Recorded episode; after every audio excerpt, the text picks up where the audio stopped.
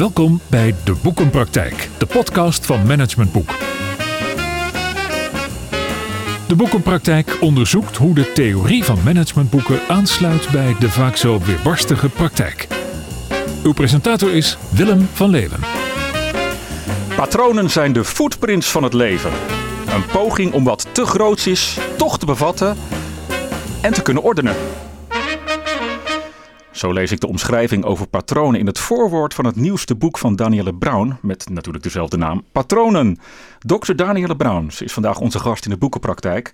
Zij is corporate antropoloog, spreker, directeur van de Academie voor Organisatiecultuur en niet te vergeten auteur van diverse boeken, waaronder het managementboek van het jaar 2016, Corporate Thrive, wat ze overigens schreef met collega-antropologe Jitske Kramer, die wij al eerder te gast hadden in deze podcast. En mijn andere gast is Sabina Renshoff. Zij is onder andere verbonden als coach aan het veranderteam Keten, Inning en Betalingsverkeer bij de Belastingdienst. Maar ik begin het gesprek met Danielle. Welkom Danielle. Dankjewel, goedemorgen. Goedemorgen. Ja, we nemen het inderdaad in de ochtend op. Fijn dat je mijn gast wil zijn. Even toch voor de mensen die het nog niet weten, wat is precies het werk van een corporate antropoloog? Nou, antropologen gaan van oudsher naar verre vreemde volken om daar te kijken hoe mensen samenleven, samenwerken, kinderen krijgen, oorlog voeren, het weer goed maken. En corporate antropologen doen hetzelfde, maar dan bij organisaties om de hoek. En mijn, mijn werk bestaat eigenlijk uit twee delen. Ik reis gewoonlijk, als er geen corona is, reis ik de wereld rond op zoek naar mooie voorbeelden van hoe je met elkaar kunt samenleven, samenwerken. Dus als je wilt weten hoe je salesrelaties onderhoudt, kan je dat perfect leren op de oude Persische zijderoute in, uh, in Iran. En uh, aan de andere kant houd ik me bezig met uh, corporate tribes. Omdat we in organisaties echt hele bijzondere dingen met elkaar doen. Onhandig, handig. Tribale kantoorgedoetjes. Uh, patronen die vastzitten, die we willen veranderen. Wat soms lukt, soms niet. Dus ik kijk eigenlijk met antropologische ogen en ook met antropologische methode, manieren van werken, het methodologische ambacht, kijk ik naar uh, organisaties en naar teams. En datgene wat jij zeg maar leert van wat we dan even met een romantisch woord noemen de verre volkeren, ja. dat plot jij dan ook op, op organisatiestructuur en op organisatiepatronen? Is ja, zeker, zeker. En, en we hebben soms hele mooie woorden in managementland en heel veel jargon.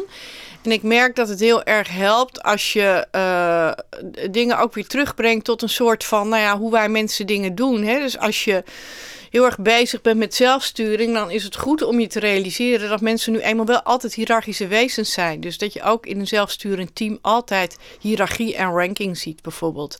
En um, we hebben zoiets als archetypische leiderschapsrollen bij crisis. En, en dan zie je dat er een, hè, wat we nu ook zien de afgelopen jaar, dat er dat dan toch een soort roep om meer directief leiderschap komt. En dat zijn een soort toch wetmatigheden tussen mensen die, uh, ja, die we eigenlijk heel goed kennen uit de antropologie. En Ja. antropologen hebben er een tijd lang weinig mee gedaan in bedrijfsleven, terwijl het hele nuttige informatie is. Ja, ja.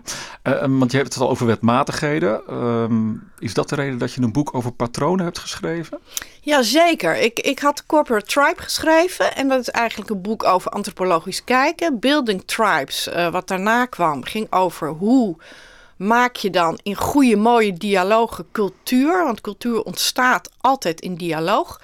En, ehm, maar mensen vroegen nog meer van, ja, maar hoe doe je dat dan precies? Heel eigenlijk, ja, het is een heel precies boek.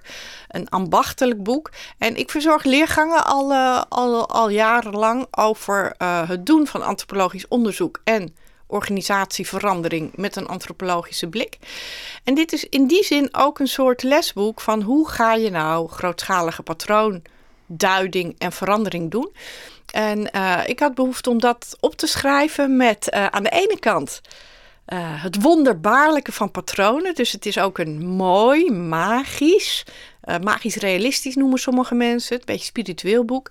En andere kant zo, zo, ja, zo'n hart als een keukenmesje. Het is ook gewoon hardcore ja. antropologie. Uh, ja. ja. gewoon methodeleer. Hè? Dat, is, dat is het ook. Het is ook een handboek met veel ja. voorbeelden. Want wat, als je nou kijkt, hè, aan de ene kant een beetje die spirituele kant. En aan de andere kant meer die, die hardcore kant. Wat, wat, wat, wat zijn nu, als je kijkt naar organisaties. Want laten we ons daar even op focussen in deze podcast. Alhoewel, ik denk dat we ook misschien wel even een uit, uitstapje maken naar de maatschappij. Maar wat zijn nu de kenmerken van een patroon? En hoe herken je nou patronen in organisaties? Ja, dat is een grote vraag misschien. Maar... Ja, dat is een grote vraag. Nou, patronen hebben een aantal kenmerken. We voelen het allemaal. We hebben allemaal een soort onderbuikgevoel dat je probeert iets te veranderen. En dan ga je termen noemen als ja, maar dit is al, al even lang zo. Of dit zit zo vast. Of dit zit zo in de aard van een team of, of van die leider. En dan, hè, als we dat soort woorden gaan gebruiken, dan heb je het vaak over dingen die, ja, je kunt het ook zeggen, in het systeem verankerd zijn of in het organisatie-DNA. En dan voel je dat het iets is wat je niet zomaar kunt veranderen. Hè? Nu mhm. bij corona hebben we gezien dat uh, drie zoenen geven, dat vinden we niet zo erg om te veranderen. Maar handen geven is echt een patroon vanaf de middeleeuwen. Is veel moeilijker. Willen we eigenlijk weer terug. En als je door een organisatie loopt, dan merk je dat er uh, sommige interventies kan je heel makkelijk doen, vindt iedereen leuk, en andere stuiteren toch steeds weer terug. En dan hebben we het vaak over patronen. En die hebben altijd nut. Ze hebben een aantal kenmerken. Ze zijn repeterend. Je ziet ze op meerdere lagen in de organisatie. Dus het is niet maar één teampje, maar je ziet ze eigenlijk overal terug.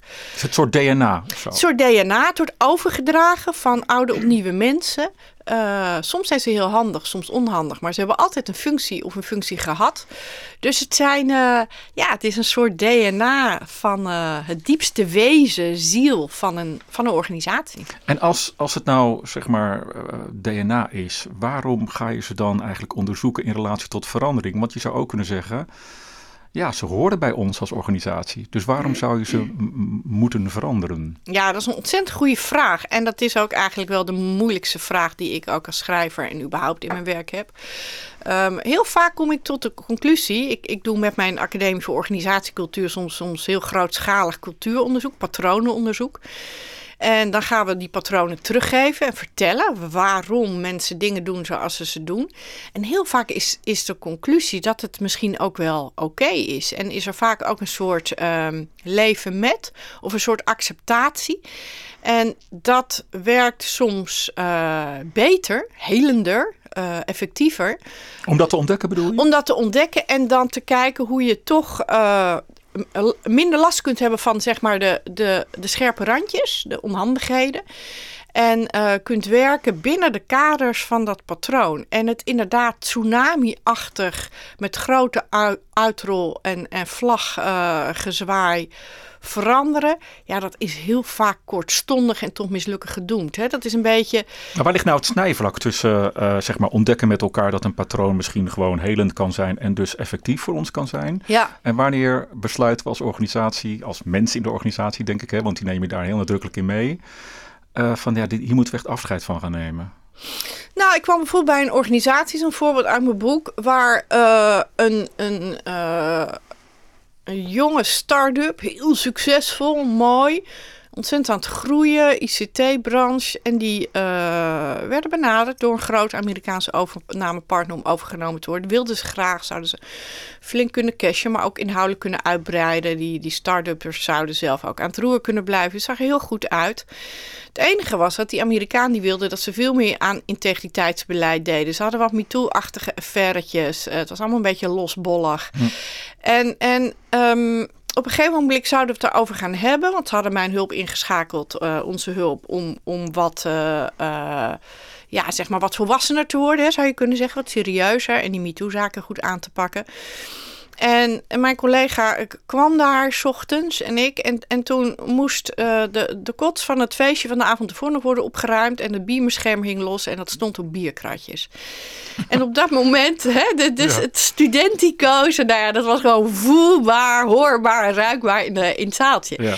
En op dat moment moet je echt heel serieus een gesprek aangaan. Wat, wat wil je precies zijn? Wil je gewoon die ontzettend leuke studentico's vriendenclub blijven. Kan je nog steeds iets vinden van de MeToo-achtige affaires. Maar wil je, wil je blijven spelen?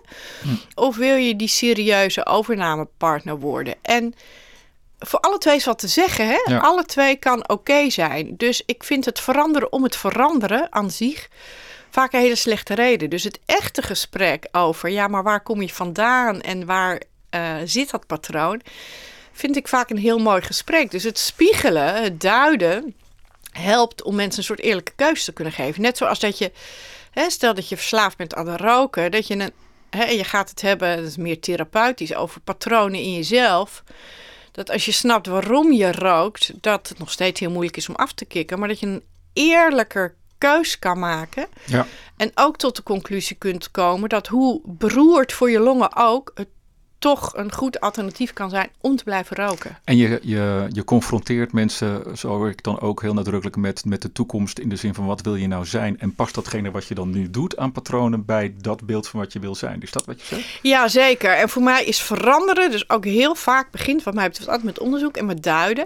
En de spiegel voorhouden. En net zoals dat je naar de wc gaat en je kijkt in de spiegel, dan doe je vaak je haarplukje recht. Dus vaak is de confrontatie met je eigen patronen uh, ja, genoeg aanleiding om te zeggen: hé, hey, nou, dit, vind, dit vinden we leuk, dit laten we zo zitten, dit plukjaar, maar dit gaan we even recht doen. Dus het, je hoeft zelden uh, van buitenaf te veranderen. De meeste mensen en ook de meeste organisaties willen best veranderen, maar willen niet veranderd worden. Ah, nou daar gaat mijn eerste stelling over. Ik wil je even een aantal stellingen voorleggen. Ik leg je drie stellingen voor, Daniel. En de vraag is om in eerste instantie even met eens of oneens te antwoorden. En daarna natuurlijk uh, jouw uh, toelichting op een aantal. De eerste stelling. Mensen zijn gewoontedieren, dus ze zullen zo lang mogelijk vasthouden aan bestaande gedragspatronen. Ja, absoluut. Mensen zijn ontzettend van routine en van uh, veiligheid. En mensen maken cultuur uh, om, de, de, uh, ja, om de, de, chaos van alle dag te bezweren. Dus we willen liefst dingen hetzelfde blijven doen. Tegelijkertijd zijn we ook heel nieuwsgierig. Hè? Dus we willen ook altijd kijken of de aardbeien bij de buren lekkerder zijn dan onze eigen, eigen ja. aardappelen. Dat ook. Oké. De tweede stelling. Om patronen echt te kunnen herkennen en duiden, moet je wel een sterk holistische bril en nieuwsgierigheid hebben als onderzoeker. En dat is juist iets wat wij als mensen afleren. Ja, eens. Je moet gewoon heel goed kunnen kijken. Linksom, rechtsom. En niet alleen kijken, maar ook voelen, horen, ruiken, proeven. En uh, in mijn boek noem ik dat sensory anthropology. Het is een Amerikaanse stroming die steeds meer opkomt. Dus echt waarnemen met al je zintuigen. En dat is zeker heel belangrijk. Is dat te leren? Uh, dat kan je trainen, ja. Oké. En de derde stelling, pas als de werkelijkheid pijn gaat doen, omdat oude patronen niet meer passen, dan is er ruimte voor verandering van deze patronen.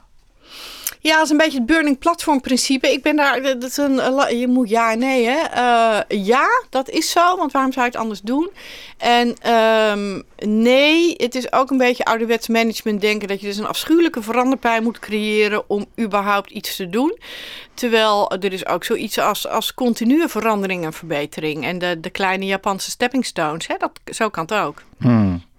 Wat, wat, maakt nou dat we ons zo weinig focussen in onze ontwikkeling op aangeleerde patronen? Want um, eigenlijk zijn we continu bezig met gedrag aan de buitenkant. Hè? En we zijn niet zozeer bezig met nou ja, datgene wat we dagelijks doen, of dat nog wel effectief is. We zijn, je gaf al aan in die eerste stelling, een beetje gewoontedieren. Wat maakt dat we ons daar zo niet op richten? Het is moeilijk hè, omdat je erin zit. Het, het is dus je bent onderdeel van het patroon. Dus wat het lastige is, is dat je vaak, als je wel voelt dat er iets veranderd zou kunnen worden dan zit je zelf in die ettersoep. Dus dan ga je vaak veranderen vanuit diezelfde uh, patronen. Dus ik doe nu een opdracht bij een organisatie. Um, om te kijken hoe je meer eigenaarschap kan krijgen. Mensen meer verantwoordelijk kunnen maken voor wat ze doen. Ook zo'n populair woord, hè? Dat is een ontzettend, ja. ontzettend populair woord. En ik ben steeds maar mijn opdrachtgever kwijt. Die is er niet, die wisselt continu. Uh, ik heb geloof ik nu al vijf opdrachtgevers versleten in een jaar. Dus, dus de, uh, ja, wat je wil veranderen zit vaak zo diep in je DNA... dat, dat je de middelen om het te veranderen niet eens hebt. Hè? Dus het is, het is ook echt wel... Is er al uh, iemand van buiten die het tegen je moet zeggen of zo? Of wat, nou, soms helpt dat wel. Of, of, ja, of je moet heel erg uh, iemand die je helpt te leren een beetje te dissociëren. En een beetje, antropologen noemen het vaak uh, professioneel schizofreen. Je moet echt wel een beetje kunnen uit, uitzoomen en abstraheren. En dat is soms moeilijk als je zelf in de, in de uh, uh, Barbara is een tuttebel en Jan is ook een eikel zit. Hè? Dan, ja. dan is dat vaak gewoon moeilijk om erboven ja. te gaan hangen. Dan zijn we niet nieuwsgierig, maar zijn we meer aan het oordelen. Ik ben ook wel even nieuwsgierig naar, naar Danielle als persoon. Wat is nou jouw meest ineffectieve patroon? Mijn meest ineffectieve patroon is dat ik... Um, um, altijd zo uh, abstraheer. Ik ben denk ik wel als antropoloog geboren dat ik altijd aan het zoeken ben tussen blijf ik aan het randje observeren of ga ik meedoen met het feestje. Oh. En dat vind ik altijd lastig. Wanneer ga je nou meedoen met het feestje en, en, en uh, voeg ik in en wanneer blijf ik liever een beetje aan de buitenkant. En dat is ook zo'n patroon wat zich dan overal voortzet. Hè? Wat gaat over feestjes en over werk en over uh, met wie je wil niet samenwerken en welke bindingen ga je aan en of vier je eigen verjaardag of niet, komt eigenlijk altijd terug. Een levenslange zoektocht. En als je dat dan weet, hè, want je kunt hem heel mooi duiden, vind ik. Mm ja, hoe kan je dat dan veranderen? Of lukt dat dan steeds niet? Ja, ook erkennen in mails zijn voor jezelf en zeggen van, oh ja, dat vind ik lastig. En ook ontzettend van genieten en de voordelen vieren. Mhm. En, uh, nou ja, en hoe je het kan veranderen. Af en toe tegen je zeggen, oh jeetje, ga je weer lekker aan het randje staan. Goh, ga even lekker meedoen. Hè? Dus, dus ik heb bijvoorbeeld op, uh, ik heb een wereldreis gemaakt met mijn kinderen. En daar heb ik echt heel erg geleerd dat je meer fun hebt als je gewoon letterlijk meedoet. Als je gaat sandboarden uh, in Australië en als je bij een lokaal, zeker als je met kinderen reist, als je dan in Thailand staat, is het gewoon leuk om met de plaatselijke jeugd te gaan voetballen. En dan is je hebt gewoon meer lol als je meedoet. Ja, ja. en leer je misschien ook meer nog, of, of ervaar je misschien ook meer de patronen. Zeker. En antropologen hebben natuurlijk ook die methodiek van participerende observatie. Dus dat is eigenlijk. dat? Participerende observatie is dat je, dat je onderzoekt door mee te doen. Dus dat je eigenlijk uh, juist niet aan de rand blijft kijken. Dat doen antropologen ook, observeren, maar ook meedoen. En het, mooie is als je bijvoorbeeld stelt dat je een, kaasmakerij gaat onderzoeken. Uh, dan is het, is het um, dan zeggen mensen, nou, het is heel zwaar werk, fysiek, snel, snel, word je snel oud. Nou, als je naar die kaasjes kijkt, denk je, nou ja, het zal wel.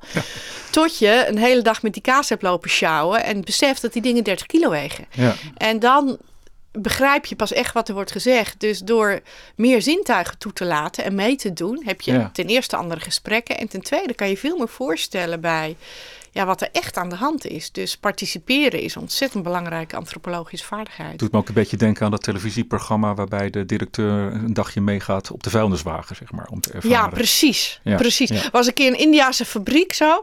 En daar uh, was ontzettend gedoe, want uh, de schoonmakers, die, die uh, gebruikten, ze hadden afvalcontainers die ze achter zich aan moesten trekken. En daar moesten ze dan de kantoorvuilnisbakjes uh, inlegen. En dat deden ze steeds maar niet goed. Dat gooiden ze ernaast en zo. Was ontzettend gezeik over, vakbond erbij. Tot inderdaad de CEO een dagje mee ging lopen om te kijken van... Goh, waarom doen ze dat niet? En toen bleek dat die Indiase vrouwtjes, die schoonmakers... waren gewoon veel te klein voor die rolcontainers. Ze konden er gewoon niet bij, weet je. Hmm. En dan, dan heb je dus twee maanden gezeik gehad met de vakbond... terwijl ze kunnen er gewoon niet bij. Ja. Nou, uh, stap je ernaast trappetje ernaast en ze konden er wel bij opgelost. Hè? Dus zo simpel is verandering soms ook. Als je het nou hebt over patronen, we hebben het een tijdje gehad over hoe je ze herkent en ook misschien wel hoe je ze duidt, maar nu het veranderen, hè? want jij hebt het in het boek ook over vier fasen van het antropologisch verandermodel. Je gebruikt termen als epic, of sorry, emic en ethic. Spreek het goed uit? Emic en Ethic. Emic en ja. Epic is ook leuk, maar dat is meer een dromen in de toekomst. Ja, ja. uh, kun je eens een, een, belangrijke sleutel noemen hoe je als organisatie of als team misschien uh, een patroon ook daadwerkelijk kunt veranderen? Um, nou ja, dat emic en ethic, dat gaat over dat je altijd eerst het verhaal van binnenuit moet kennen. Dus het emic verhaal, dat is, een, dat is inderdaad zo'n antropologen taal. Dat gaat over wat mensen zelf voor verklaring hebben wat ze doen. Waarom ze de dingen doen zoals ze ze doen. En hun eigen verhalen en werkelijkheid. En pas als je daar respect voor hebt, als je respect hebt voor hun eigen werkelijkheid, dan pas kan je zeggen: Goh, en wat vind je daarvan? En, en nu, hè? Zo, wat zou je er aan willen veranderen? Heel vaak gaan we daaraan voorbij. Dus dan gaan we bijvoorbeeld naar uh, de brandweer toe en dan zeggen we: er moet hier meer aanspreekcultuur komen. En dat vind je dan als externe? Dat vind je dan externe, dat vindt iedereen. Dan komt er weer een duur bureau invliegen, ga je feedbackcursus doen enzovoort. Hè? Dat is wat we heel vaak doen. Terwijl hè, vanuit antropologisch verandermodel ga je dan eerst kijken en zeggen: Goh, er is vast een hele goede reden dat al eeuwenlang we brandweermensen proberen te laten, elkaar te laten aanspreken als leiders en consultants. Maar waarom doen ze het dan niet? En als je dan echt gaat kijken en luisteren en je gaat mee, dan zie je op een dag dat als je moet uitdrukken voor een grote brand, en dan moet je zeker weten dat als jij een brandend huis ingaat, dat er ook iemand achter je loopt om letterlijk je rug te dekken. Moet je niet hoeven omkijken, want dan loop je misschien voor in een uh, rokerig huis met je kop tegen een balk. Dus je moet niet hoeven omkijken, maar je moet weten dat je collega je rug dekt. Hmm. Ja, als je dan net in een heel interessant feedbackgesprek zit, wat misschien een beetje schuurt en pijn doet, dan dan weet je niet of je die collega kan vertrouwen. Ja. Dus het is een hele goede reden om het harmonieus te hebben en elkaar niet aan te spreken. En, en die reden moet je eigenlijk weten. Die moet je snappen en dan kan je een, dan heb je een veel volwassener gesprek. Niet van. Uh, de buitenstaander, de koloniale mogendheid, hè, de, uh, nou ja, de, de, de, de, overheid die over Tibetaanse tempels rijdt. Hè, dat is wat we vaak doen met patroonverandering. Maar dan heb je echt een gesprek over, jeetje, jullie willen elkaar aanspreken, maar dat is ook heel moeilijk en gevaarlijk en past eigenlijk niet bij hoe je je werk doet.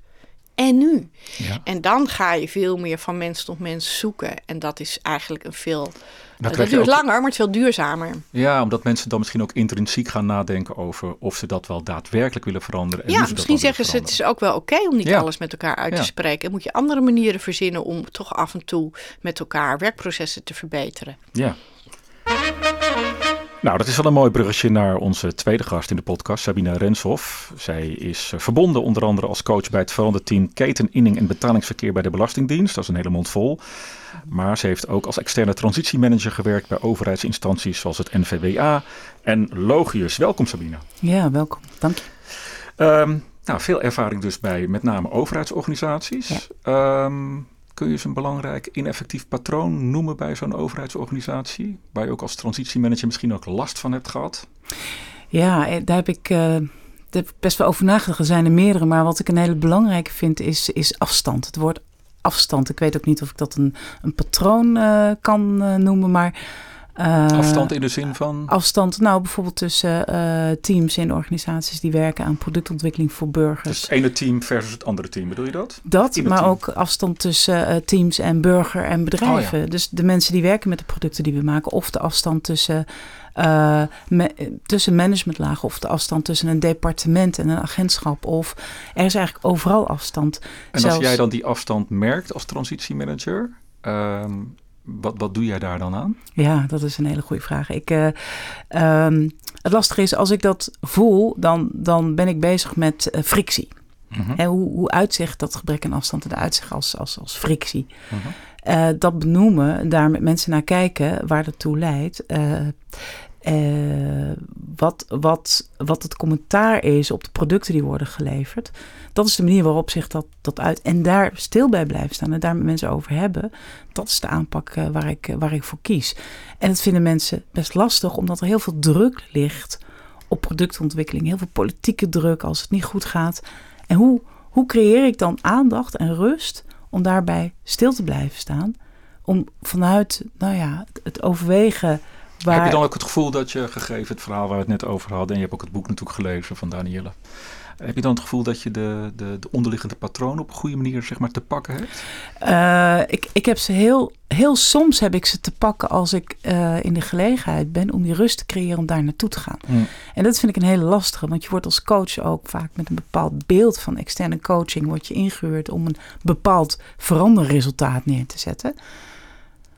En dan is er heel veel haast bij. Hè? Agile worden, wendbaar manoeuvreren. Er is heel veel haast bij. En hoe ga je dan toch die rust creëren, ondanks dat er zoveel druk op, op teams ligt? Dat is wel een vraag, uh, vraag die ik heb. Dus dat is, dat is ook. Als jij uh, dit zo hoort, Danielle, wat schiet er dan door jouw hoofd? Nou ja, Sabine zegt natuurlijk een heleboel dingen als de druk en van buitenaf en het moet. En, en de vraag is hè, of, of ja, hoe lang we daar allemaal in consultancyland aan mee blijven doen. Hè? Dus, dus terwijl eigenlijk jij ook, als ik je zo hoor, ja, niet altijd geloven dat het op die manier kan. Uh, ja, ik geloof heel erg in. Um, hè, vanuit antropologie zeg je nou, wat zijn nou culturele knoppen om aan, te, om aan patronen te draaien? Ja, dat zijn een aantal. We weten dat rituelen werken, we weten dat verhalen werken, dat charisma werkt, dat gemeenschappelijk geloof, gemeenschappelijke totems, dat zijn dingen waardoor mensen in beweging komen of een charismatische beweging gaan starten. Hè? Maar je Dus zegt ook nog iets anders interessants, li- lijkt het. Namelijk, eh, zet jezelf als consultant, als externe consultant ook eens op de foto. Ja. In de zin van, Ja. misschien ben je onbewust wel mee aan het Ja. doen in bepaalde patronen. Ja, zeker. Kijk, je doet dan natuurlijk weer mee in dat hè, een organisatie agile moet gaan werken. En dan, dan is er dus een verandercoach ingehuurd die eh agile werken gaat, gaat trainen of implementeren of wat dan ook. En dan kan je aan je, aan je aandeelhoudersvergadering laten zien dat je wat hebt gedaan aan agile werken. Hè? Dus, dus we zijn natuurlijk ook heel vaak, ja, word je ingezet als een soort excuus eh, eh. En, en ja, op een gegeven moment is het ook wel dat je denkt, ja, ga ik dat dan nog doen of, of niet? En een van de kenmerken van echt, echte verandering bewerkstelligen is, is nou ja, ik werk zelf als we het echt doen, maar dat kost tijd en die moet je dan claimen, is, is om echt eh, viraal te veranderen. Dus peer-to-peer, besmettelijk. Hè? Zoals je een Pokémon-hype creëert Ja. of, of eh, nou ja, andere eh, hypes, eh, Jeruzalemma-dansjes en dat soort hypes. Dus hoe ontstaan nou hypes? En het is eigenlijk, wat je eigenlijk wilt, is dat je een hype creëert dan over agile werken of over iets anders. En dat gebeurt altijd vanuit de, de, het team zelf. Hè? Je hebt het volgens mij ook over de Tam-Tam groep. Ja, je kunt, en dan kan je een team natuurlijk wel in helpen, maar het gebeurt altijd vanaf, vanaf het team zelf. Dus mensen vinden het gewoon leuk hebben. Weet je nog toen we die, die Loom-hype hadden? Ouders met jonge kinderen weten misschien nog niet, oh ja, Loomen, Loomen, dat waren die kleine elastiekjes waarmee eerst meisjes en toen ook jongetjes eindeloos van die bandjes, van die armbandjes maakten. En nou ja, ouders, ik vind ze nog steeds, echt van tien jaar geleden nog steeds onder in mijn auto zo. Hè? Dus- Dus het is echt, eh, het ging helemaal hot. Tot juffen en pedagogen gingen zeggen dat het zo goed was voor je fijne metoriek. En kinderen ook op school mochten loemen. Toen was het over. Weet je, dus het is echt. eh, ja, sommige dingen moeten vooral underground, informeer, peer-to-peer, flashmob-achtig Ja, ja. worden eh, geïmplementeerd. En dat kan je wel eh, begeleiden. Het is niet zo dat je alleen maar hoeft af te wachten tot het vanzelf komt. Dus ik ben daar meer eh, van geworden. Het wil niet zeggen dat ik nooit eens een training geef over agile werken of, of, of een andere eh, dialoogvorm of wat dan ook. Als een team daar zelf om vraagt en dat wil. Maar het echt van buitenaf opleggen van... eh, nou ja, eh, vanaf morgen eh, zult gij aardig zijn tegen uw collega. Ja, ik, ik geloof dat dat gewoon Vanaf best wel morgen gaan wij is. met z'n allen wendbaar werken. Ja, ja, precies. Ja. En we noemen dat agile. Ja. Ja. Als je, als je Ja. hier naar luistert, welke vraag heb jij dan nog aan Danielle? Nou, ik, ik realiseerde me eigenlijk dat. eh, eh, eh, ik, het voelt heel erg als, als versterking van wat ik noem guerrilla-denken. Een beetje. Ja. Dat is een heel vies Ja, woord term. eigenlijk. Ja, Maar ja. dat is het wel. Ja. De guerrilla. En, en dan wil ik toch een voorbeeld noemen. Eh, we hebben een eh, hackathon georganiseerd. Hackathon, ik doe eventjes... eh, Even uitleggen wat het is, misschien kort. Hackathon, dat is een, eh, een, een manier om een probleem wat een bedrijf hè, ondervindt. ook? Het is een ritueel. Eh, een probleem wat een probleem he- eh, wat een bedrijf heeft, dat laat je eh, onderzoeken ehm, door meerdere teams uit te nodigen, zelfs van buiten je organisaties. En die mogen dan, die mogen dan hacken, die mogen echt uitproberen in het wilde, wilde weg wat een mogelijke oplossingsrichting zou kunnen zijn. Dus je, super. Leuk. je nodigt eigenlijk heel veel stemmen uit. Nou, we hebben dat binnen de Belastingdienst gedaan. De vraag die ik ooit kreeg was: schrijf een visie op een bepaalde manier van werken. Een hippere manier nog dan eh, agile werken, DevOps, BizDevOps, sorry. En we hebben gezegd: we gaan dat niet als consultants zitten opschrijven. We gaan zoveel mogelijk mensen uit de organisatie vragen om in een hackathon, want dat is een, was een woord wat men wel kende. Ja. En, en dat mocht. Dus soms moet je Maar ook. is dat dan niet iets zo, ja sorry, maar, daar, Ja. maar dan, dan gaan mensen zeg maar op een hele eh sexy-achtige manier brainstormen. Maar wat is het probleem? Ervaren mensen ook een probleem, of niet? Ehm, nou, het probleem was, wat mensen ervaren was dat iedere keer alles top-down opgelegd wordt, ook door adviesbureaus. En het probleem was dat ze zich dus helemaal niet kunnen verbinden aan zo'n richting, een, een why. Maar een veel groter probleem was, ze waren er al mee bezig. Ja. En, en ik dacht, als wij dat als adviesbureau gaan opschrijven, dan komt er weer top-down iets. Ik wil daar niet aan meewerken om weer in een systeem dat toch al vol en vast zit, om daar nog iets in te brengen. Dus eh, we hebben de mensen mee succes. laten doen. Sorry? Ja, de hackathon was een succes. Ja, ja de- en, en toch is dat, dus daar moest ik aan denken. Het is een hype geworden. Er is een tweede, er is een derde gekomen. En het is inmiddels, ook dat is inmiddels nu wel een, een je zou kunnen zeggen, een ritueel. Mensen weten gewoon, in die hackathon mogen wij meedenken Mag over je de meedingen, richting. ja. ja. en dat is natuurlijk, hè, ik vind het heel kenmerkend wat je zegt, dat mensen al lang bezig waren. En dat, Hmm. wat ze natuurlijk heel vaak niet doen, is luisteren naar professionals. Zeker niet in hè, zorg, onderwijs, veiligheidsketen, eh, nou ja, belastingdienst. Bij, goh, wat zie je nou zelf aan oplossingen? En eh, we hebben mensen natuurlijk ontzettend in paarse krokodillenprocedures gezet. Terwijl, hè, met heel veel managementlagen. Terwijl mensen vaak zelf heel goed weten hoe ze het dichtst bij die klant kunnen komen. Of kunnen doen wat eerlijk of rechtvaardig is. En ja, dat is natuurlijk het grote, hè, we toch over de samenleving hebben, het grote leed van onze tijd. Dat we eh, constructen zo moeilijk hebben gemaakt dat, dat je niet meer het gevoel hebt dat je zelf enige invloed hebt op je werk. En in die zin ook een beetje afgeleerd, eh, mensen afgeleerd om zelf na te denken. Is dat Ja. wat je zegt? Ja, en het is op zich prachtig hè, dat je dat dan weer vrij maakt met zo'n hackathon. Hè. Het is, het is eh, in principe erg dat het nodig is. En het is fantastisch dat je het doet, denk ik dan. Dus dat, dat is eigenlijk, eigenlijk eh, breng je weer terug wat mensen, professionals, gewoon horen te doen. Hè? Waar ik alleen nieuwsgierig naar ben, hè, want het is ook een ritueel en nou, het slaat aan en we gaan enorm zeg Ja. maar, los in zo'n hackathon Ja. en daarna. Ja. Wat is nou de spin-off van zo'n hackathon? Want ik zie vaak in organisaties, daarna doen we een plas en alles bleef zoals het was. Omdat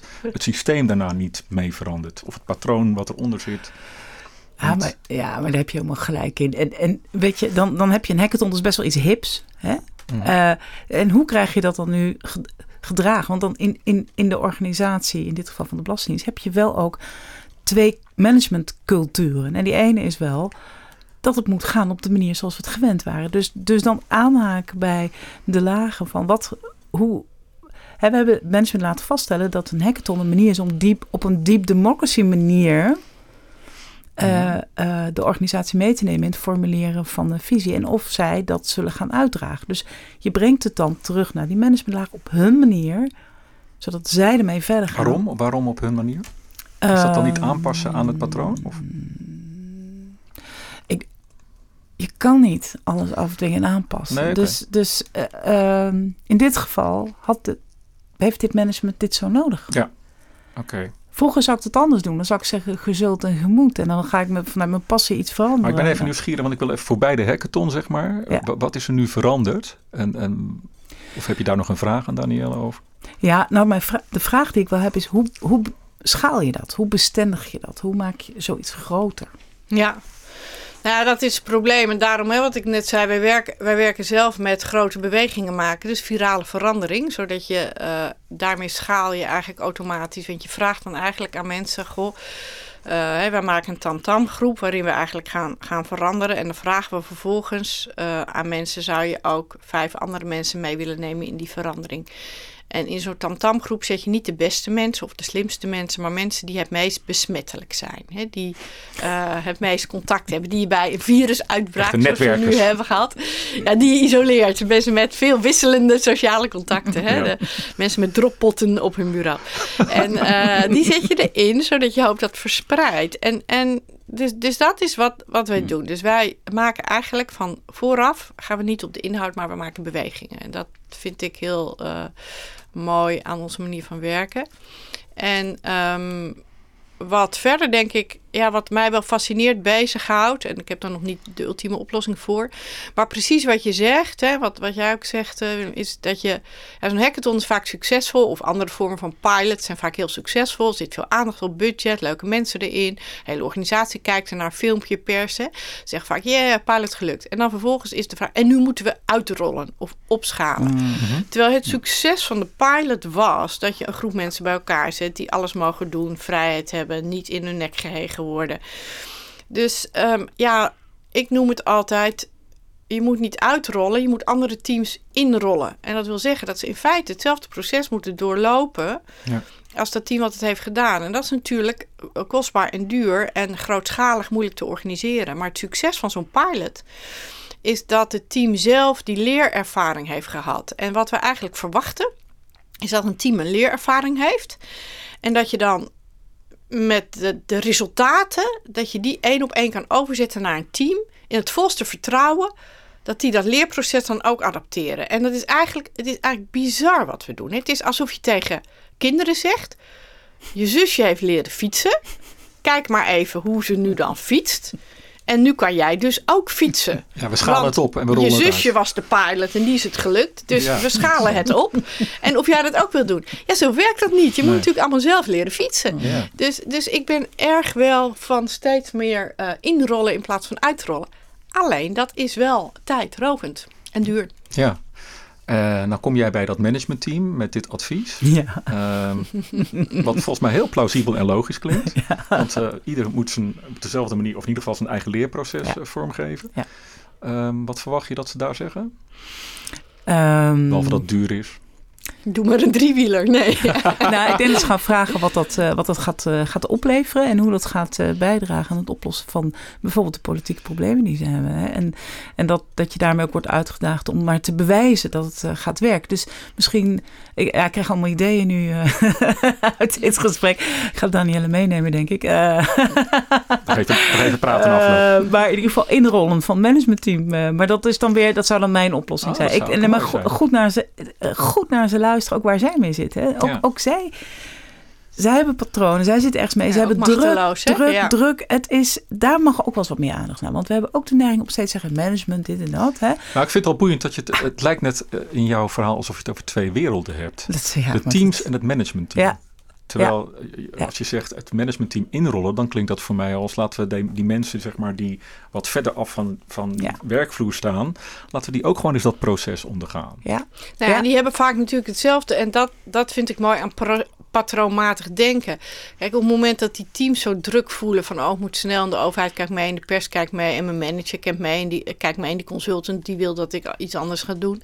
Zo'n managementteam ervaart natuurlijk dezelfde patronen... maar op een ander niveau. Die voelt ook eh, de politiek en, en, en de Volkskrant en de Telegraaf... in zijn nek hijgen en een, en een omzichtje doen. En dus die heeft natuurlijk dezelfde druk. En, en als je doorgaat, dan zit dat natuurlijk op alle lagen. En we hebben uiteindelijk een, een minister of een, een, een eh, Tweede Kamerlid om zich die erom is omgevallen ziek geworden. Dus je, dat hele patroon van ziek worden omdat het systemisch te groot is. Ja, dat zie je natuurlijk vanaf. Dus omzicht vanaf eh, de minister die verantwoordelijk was en zegt: Ja, ik, ik, ik, ik heb eigenlijk niet gewoest. Hè? En Mm. dus het is te makkelijk om te denken dat je dan onderaan die keten zo'n team iets anders kunt laten doen. Terwijl ja, die hele bovenwereld, eh, fractalen van die bovenwereld, daar zit het natuurlijk in gebakken. Dus ja, ik weet niet of dit per se een optimistisch bericht is. Maar als je het niet natuurlijk op elk niveau gaat aanpakken, dan, ja, Ja. dan blijf je elke maand weer een andere agile coach erin gooien. Ja, ja. Nou, het is wel werkverschaffing in ieder Ja. geval. Ah, dus dat is weer niet. Oh. Toch nog even een andere vraag, misschien meer maatschappelijk. Hè? We, we zijn, zo lijkt het nu aan het einde van de coronaperiode. Hè? Ja, dat hopen we. Hè? Dat Dat, hopen we. houden we onszelf graag voor. Ik Ja. ook. Jij hebt bevrijdingsdag, ja. Eh, schieten we nou met z'n allen weer in de oude patronen? Nou, dat is interessant, hè? Wat wel, wat niet. Ehm, ik, denk dat we, ik, ja, ik denk dat we eigenlijk meer toch weer zo gaan doen als we deden dan we hadden gedacht. In het begin van die corona, die eerste lockdown, zeiden we, oh, eh, thank you Earth. En eh, gingen we allemaal heel spiritueel op een eiland op Ibiza zitten hopen dat dit nou toch echt de transformatie was. Nou, volgens mij eh, valt het wel mee met die transformatie. En gaan we allemaal gewoon weer lekker vliegen en, en, en in de file staan. En, dus ik, ik denk dat er niet zoveel patronen veranderen. Misschien wel wat. We hebben een... En dan is het. Ik heb een groot onderzoek gedaan met 60 antropologen een paar maanden geleden. om te kunnen voorspellen eigenlijk wat, wat we wel en niet blijven doen. En dat kan je heel goed voorspellen om, door te kijken wat mensen aan kinderen of werknemers overdragen. Dus als je bijvoorbeeld, stel eh, je kind zit op de bank en er komt een collega van jou binnen. om even wat op te halen op afstand. En zeg je dan tegen je kind: eh, God, dit is een collega van, van papa. En eh, eigenlijk moet je die meneer een handje geven, maar dat kan nu niet, want corona. Of zeg je, ga maar even voor die meneer staan en geef maar een hoofdknikje en zeg maar je naam. In het eerste geval bestendig je eigenlijk nog het oude cultuurpatroon. Zeg je, we doen dit nu even niet, maar straks wel. En in het tweede geval heb je echt een nieuw patroon geïmplementeerd. Nou, 60% van de ouders ongeveer heeft hun kinderen dus iets anders gegeven dan geleerd aan handen geven. Je kunt dus eigenlijk verwachten dat de generatie tussen 6 en 12 de komende jaren geen handen meer gaat geven. Oké. Dus dat, dat zijn wel aardige voorspellingen. Die drie zoenen gaan we echt niet meer doen. Dus Mhm. ook wij volwassenen. Onze jongeren deden al de huk in plaats van drie zoenen. En wij zijn ons nu dus wat binnen is gedrongen, is dat het eigenlijk heel vies is om het slijm van jezelf op de wang van een ander te smaken. Dat, dat vinden we eigenlijk heel vies. Dus dat besef hebben we nu gekregen. En dat gaan we dus gewoon niet meer doen. Maar we gaan wel... weinig romantisch, Ja, dat is vies, hè? Ja, dat, dat- nou ja, dat ga je dus wel doen, maar met een kleine intieme kring. Ja. Dus een aantal patronen zijn echt veranderd. Dus het, het idee dat je. ehm, we gaan minder bellen en meer. ehm, eh, als we elkaar even willen spreken, gaan we meer even MS Teams of Zoomen doen. Dus een aantal patronen zijn veranderd en een aantal helemaal niet. En ik geloof, hè, we hebben allemaal dingetjes als, als werk verlaat het gebouw. En we gaan allemaal hybride werken. Ik geloof er helemaal niks van. Volgens mij, we hebben nu al gezeur. Ik hoor heel veel conflict over bazen die mensen weer het kantoor in willen krijgen. En mensen die dat nog even niet willen, want ze hadden net een puppy gekocht. Maar ik, eh, ik denk dat we over een paar maanden zitten we allemaal gewoon weer op. Maar zeg jij nou, werk heeft het gebouw niet verlaten? Nee, daar geloof ik helemaal niks van. Nee. Dus da, Nee. da- da- er is te Het, veel het is baat. wel iets meer, er is denk ik iets meer tolerantie als iemand zegt: Ik wil even een dagje thuiswerken, ik moet een rapport uitwerken. Of eh, eh, zullen we niet allemaal in de file gaan staan om, om negen uur 's ochtends. eh, Heeft dat niet gewoon te maken dat wij sociale wezens zijn en dat wij elkaar willen ruiken, proeven, zien? Ach voelen? joh, de cursussen die ik nu geef, ik, ik, heb, ik ben nu weer in company aan het, aan trainen en aan het masterclasses geven en ook mijn eigen leergangen lopen weer. Het eerste half uur kan ik niet eens beginnen. Mensen zijn alleen maar aan het, aan het huilen, kletsen, koffie drinken. Omdat ze zo blij zijn dat ze na een jaar in die walking kast eh, eindelijk weer mensen zien. Dus het is zo belangrijk. Ja, dat kan je helemaal niet weghalen. Oké, hey, la- laatste vraag aan jou, Danielle. Eh, prachtig boek. Ik vind het ook heel erg mooi vormgegeven. Eh, Ja, hè, dat foto's. met dank aan mijn fantastische uitgever die dat elke keer weer het lef Ja. heeft om dat te doen. Dat is waanzinnig. En Douwe Hoendervanger wil ik echt heel graag noemen als mijn vormgever die echt magisch dat doet. Ja. Hmm, ja. Als je het boek nou eh, als lezer hebt gelezen, wat, wat, wat, is, wat, wat, wat vind jij dat er minimaal moet blijven hangen? Zeg maar? Wat is een soort moraal in dit boek? Dat is een grote vraag. Maar... Dat je eerst moet kijken voor je gaat veranderen. En dat je daar zelf veel meer eh, mag permitteren in vertrouwen op je eigen buikgevoel. En dat buikgevoel eh, klinkt altijd heel soft. En ik heb geprobeerd om dat buikgevoel, dat klinkt heel raar, handen en voeten te geven. Dus hoe kan je je buikgevoel eh, minder soft maken, overdraagbaar maken en staven met ook gewoon wetenschappelijke methodiek. Waarin je eh, dat wat we allemaal heel goed voelen in teams, of in jezelf of in de samenleving, dat je dat ook kunt staven. Dus in die zin, het is een methodologisch boek wat eigenlijk een vrijbrief geeft om beter te werken met je intuïtie. Mooi, mooi. Wat ik daar ook mooi aan vind, is dat je iets wat zeg maar nog een beetje in de taboehoek eh, zat, namelijk energie Ja, tussen mensen, hè, intuïtie. Dus niet wat je alleen maar rationeel kunt bedenken, maar jij noemt dat ook heel mooi buikgevoel. Dat, dat dat er ook veel meer mag zijn en dat we daar al veel meer op mogen vertrouwen eigenlijk. ja, precies. Je zat dan een beetje altijd zo in twee tribes. Hè? Of je was van de energetische overdracht en, en de holistische coaching en het systemisch werken. En dan moet je ook sloffen aan op cursus. Of je bent van hart en, en PowerPoint en eh, lean en weet ik veel wat. En volgens mij zit daar gewoon iets heel moois tussenin. En dan moet je, maar dan moet je ook kunnen staven wat je doet. Dus zomaar even, het voelt niet goed. Ja, dat is mij altijd te mager. Ik wil weten wat er dan niet goed voelt en waarom niet. En hoe, hoe je dat hebt gezien. En waar ik dat ook kan zien. En, en dan wil ik het ook nog keurig eh, gerapporteerd hebben. Zo. Dus dat is mijn... Ja, ik ben gepromoveerd op, op ook methodologie in organisatieantropologie. ik vind het heel belangrijk dat, dat we eh, dat ambacht goed blijven bedrijven. Dankjewel. Mijn buikgevoel zegt dat we het hierbij moeten laten. dus ik wil jullie eh, eh, als gasten in deze aflevering van de Boekenpraktijk hartelijk bedanken voor jullie inspirerende deelname en inbreng aan deze podcast. Danielle Brown van het boek Patronen en Sabina Renshoff als coach verbonden aan de Belastingdienst. Ja, ik verwijs jou als luisteraar eh, van deze podcast natuurlijk weer graag naar de volgende aflevering, die over twee weken weer op alle grote podcastkanalen te vinden zal zijn. Ook daarin spreken we weer met een auteur over zijn of haar opmerkelijk recent verschenen managementboek. En misschien plotten we de strekking van het boek ook wel weer op een actuele casus uit de praktijk. Rest mij je hartelijk bedanken voor het beluisteren van deze podcast. Heb je vragen, opmerkingen of suggesties? Mail dat dan SVP naar info.managementboek.nl Tot zover de praktijk van boeken. Kijk voor meer afleveringen of een abonnement op de boekenpraktijk op managementboek.nl/slash podcast. Je vindt ons ook op Spotify, Apple Podcast, Google Podcast en Soundcloud. Hartelijk dank voor het luisteren en graag tot de volgende podcast.